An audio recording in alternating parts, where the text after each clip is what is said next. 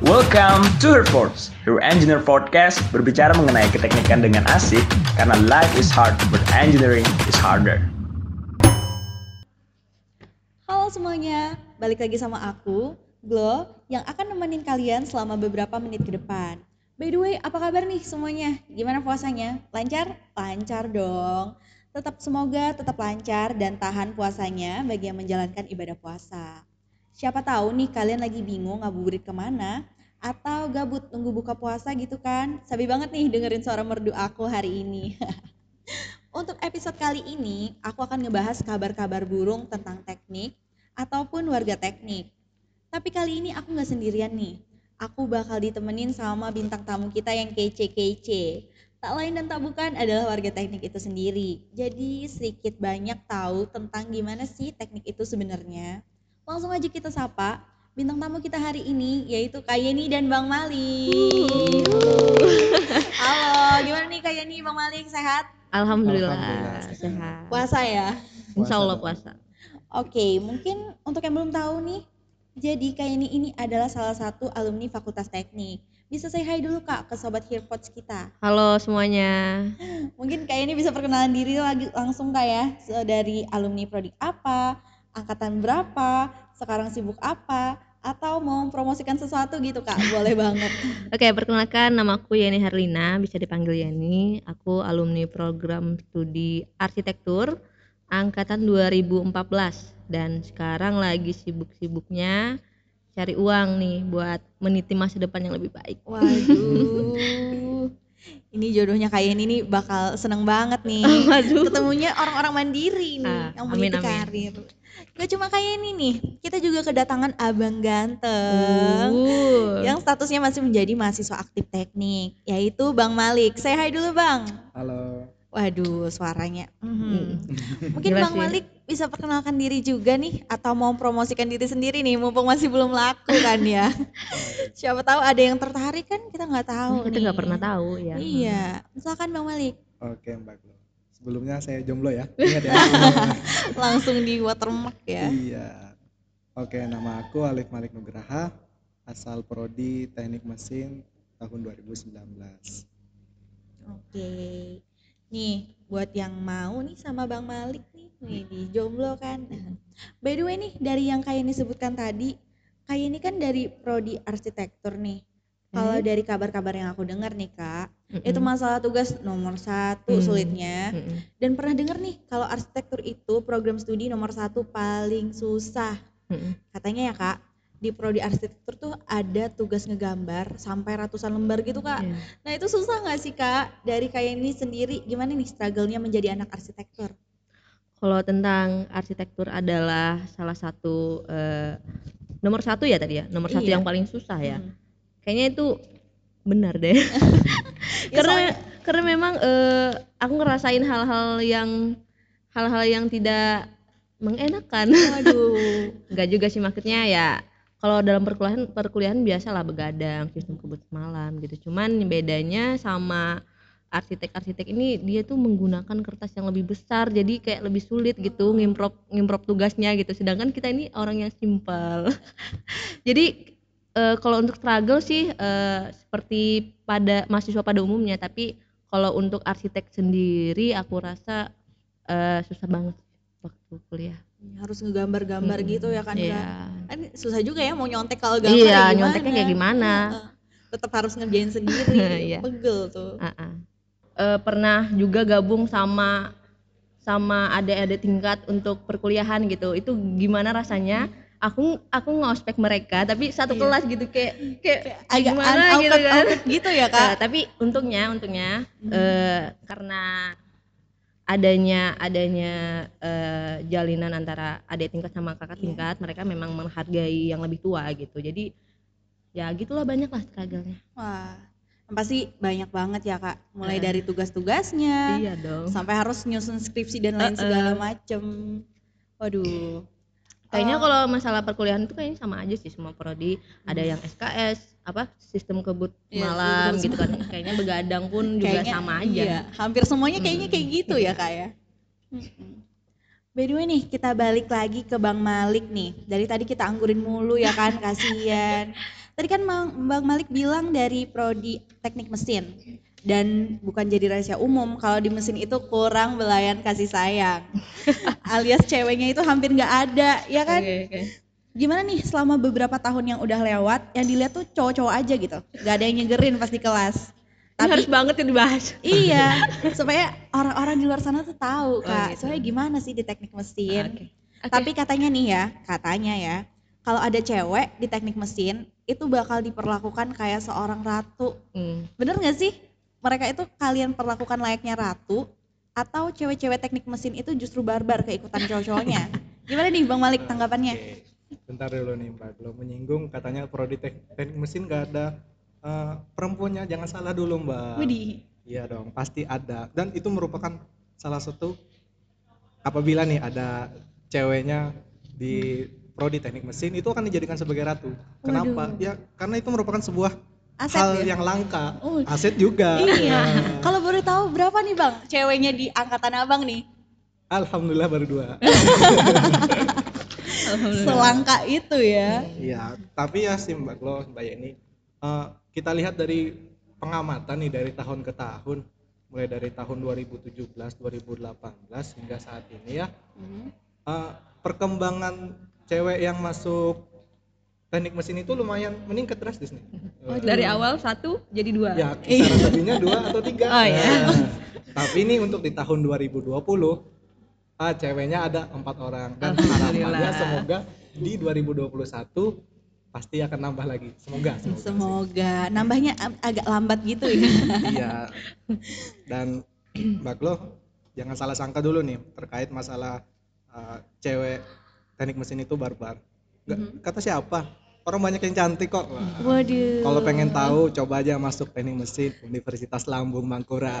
Nah, bisa banget nih. Boleh, boleh. Coba jadi anak teknik mesin. Soalnya gini ya, aku tuh pernah ingat dulu pas pensi di acara gitu.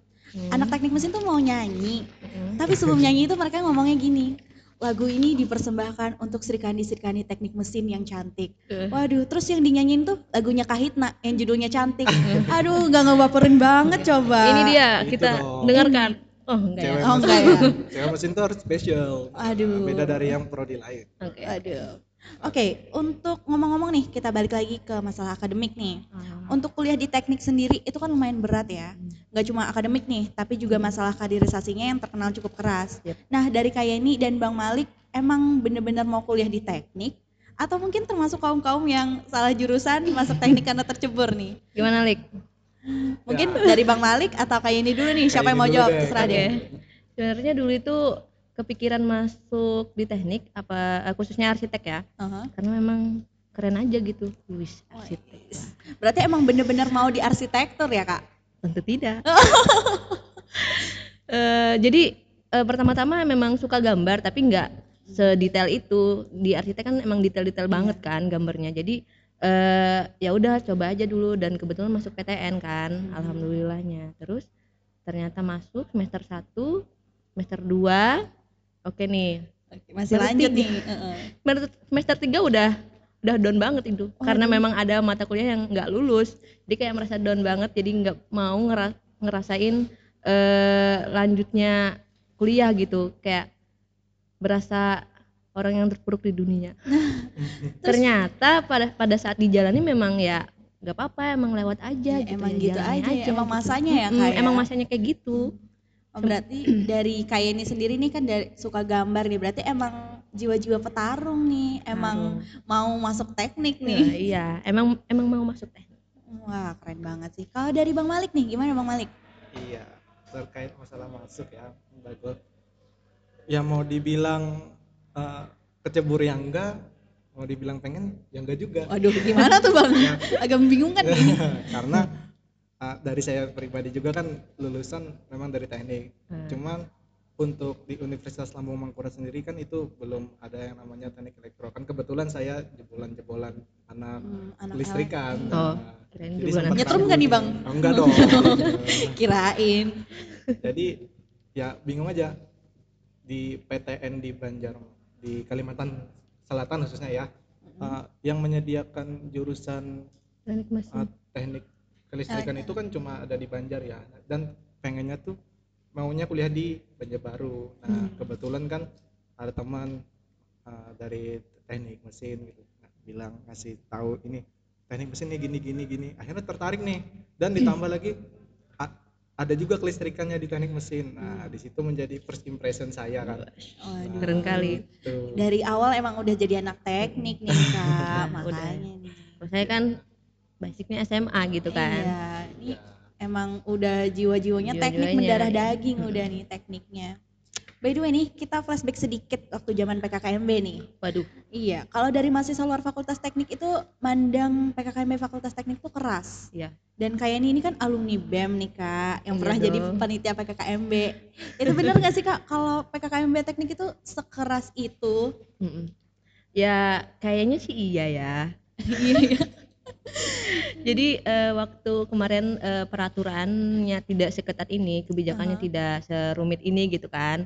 Jadi kemarin itu eh, yang maba angkatan berapa ya? Angkatan 2015, 16 mungkin sampai 17 itu dorong motor gitu dari gerbang Waduh. depan sampai ke kampus itu sekitar 500 meteran gitu. Wah, Dan lumayan itu pagi-pagi. jauh tuh Nah, kita bandingkan dengan mahasiswa eh, fakultas lain gitu, mereka cuma jalan doang tanpa dibentak-bentak gitu, tanpa panitia yang bentak-bentak. Jadi memang kayak keras banget gitu.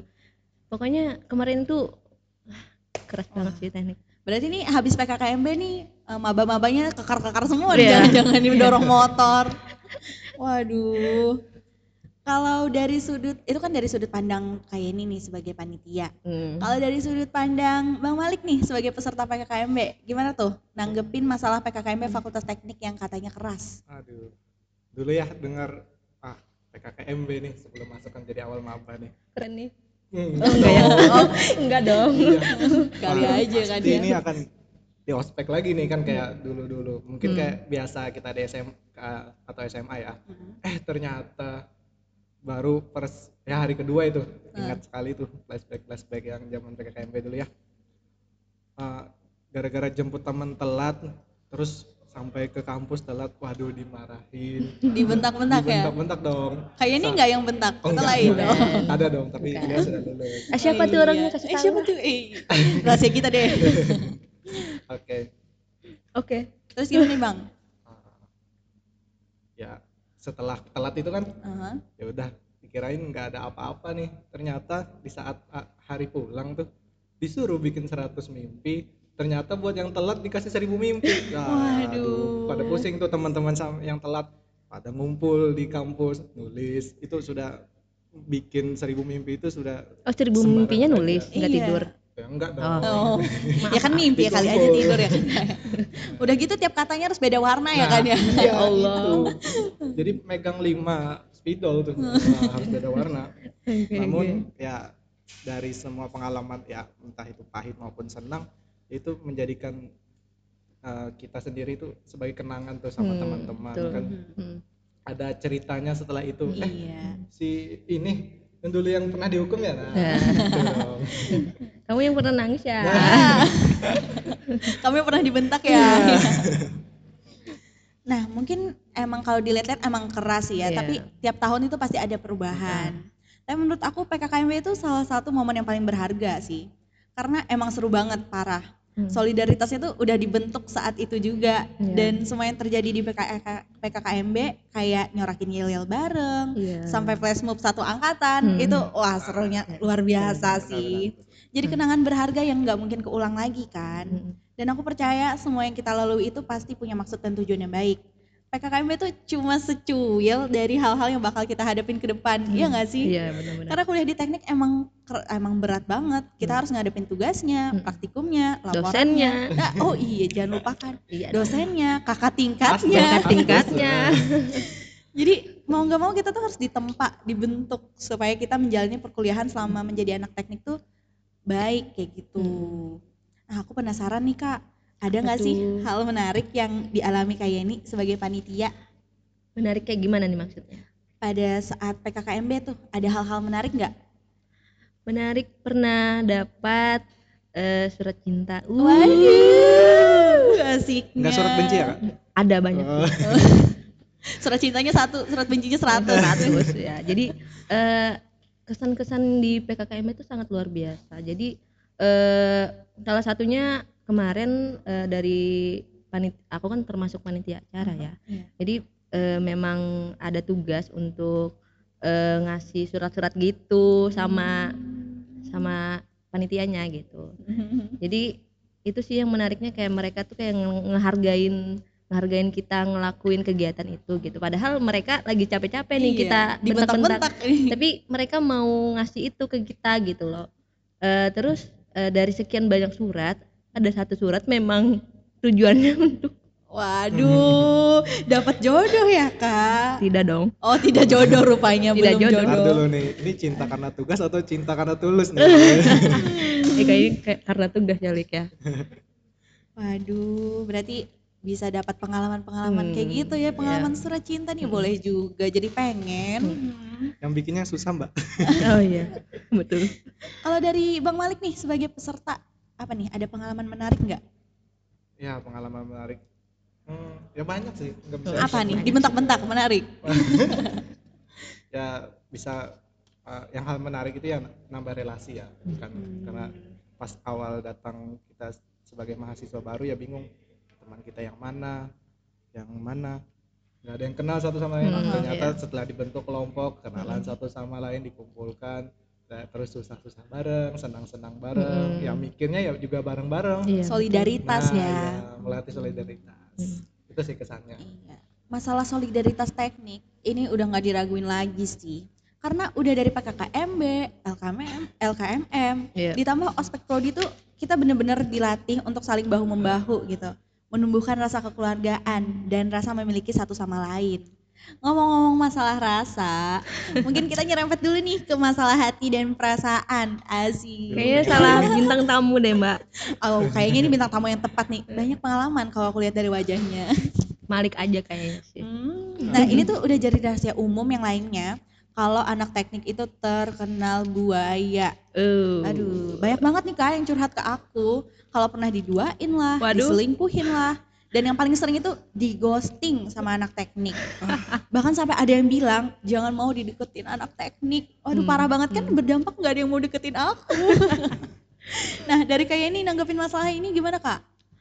aku sebenarnya nggak pernah dibuayain sih sama anak teknik jadi merasa kayaknya anak teknik ini baik-baik aja ya Atau jangan-jangan Betul itu. jangan-jangan kayak ini nih yang buayanya nih yang suka ngeghosting-ghosting gitu tuh. enggak lah jadi kayaknya sebenarnya semua lelaki sih seperti itu ya eh enggak dong Aduh nggak terima nih. terima nih diterima kayaknya untuk pengalaman yang tentang kayak gitu belum ada sih sama aku karena memang aku kan bagus kuliah enggak banget Kita percaya aja Percaya ya. Anggap aja. percaya aja kakaknya fokus kuliah. Aduh.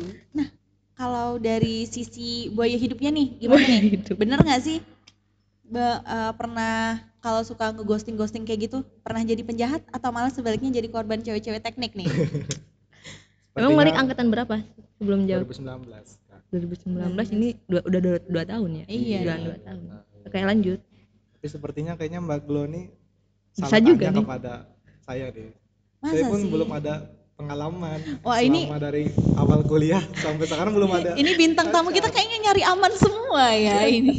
memang sesuai realita Mbak Kayak gitu. Iya. Tapi menurut aku kebanyakan anak teknik tuh emang ya mau cewek atau cowok itu kayaknya hobinya ngeghosting deh. Kalau dari pengalaman aku. Jadi sebenarnya dia, dia tadi dari tadi ngebahas eh, gimana cowok itu ngeghosting. sepertinya Sepertinya dia adalah korban.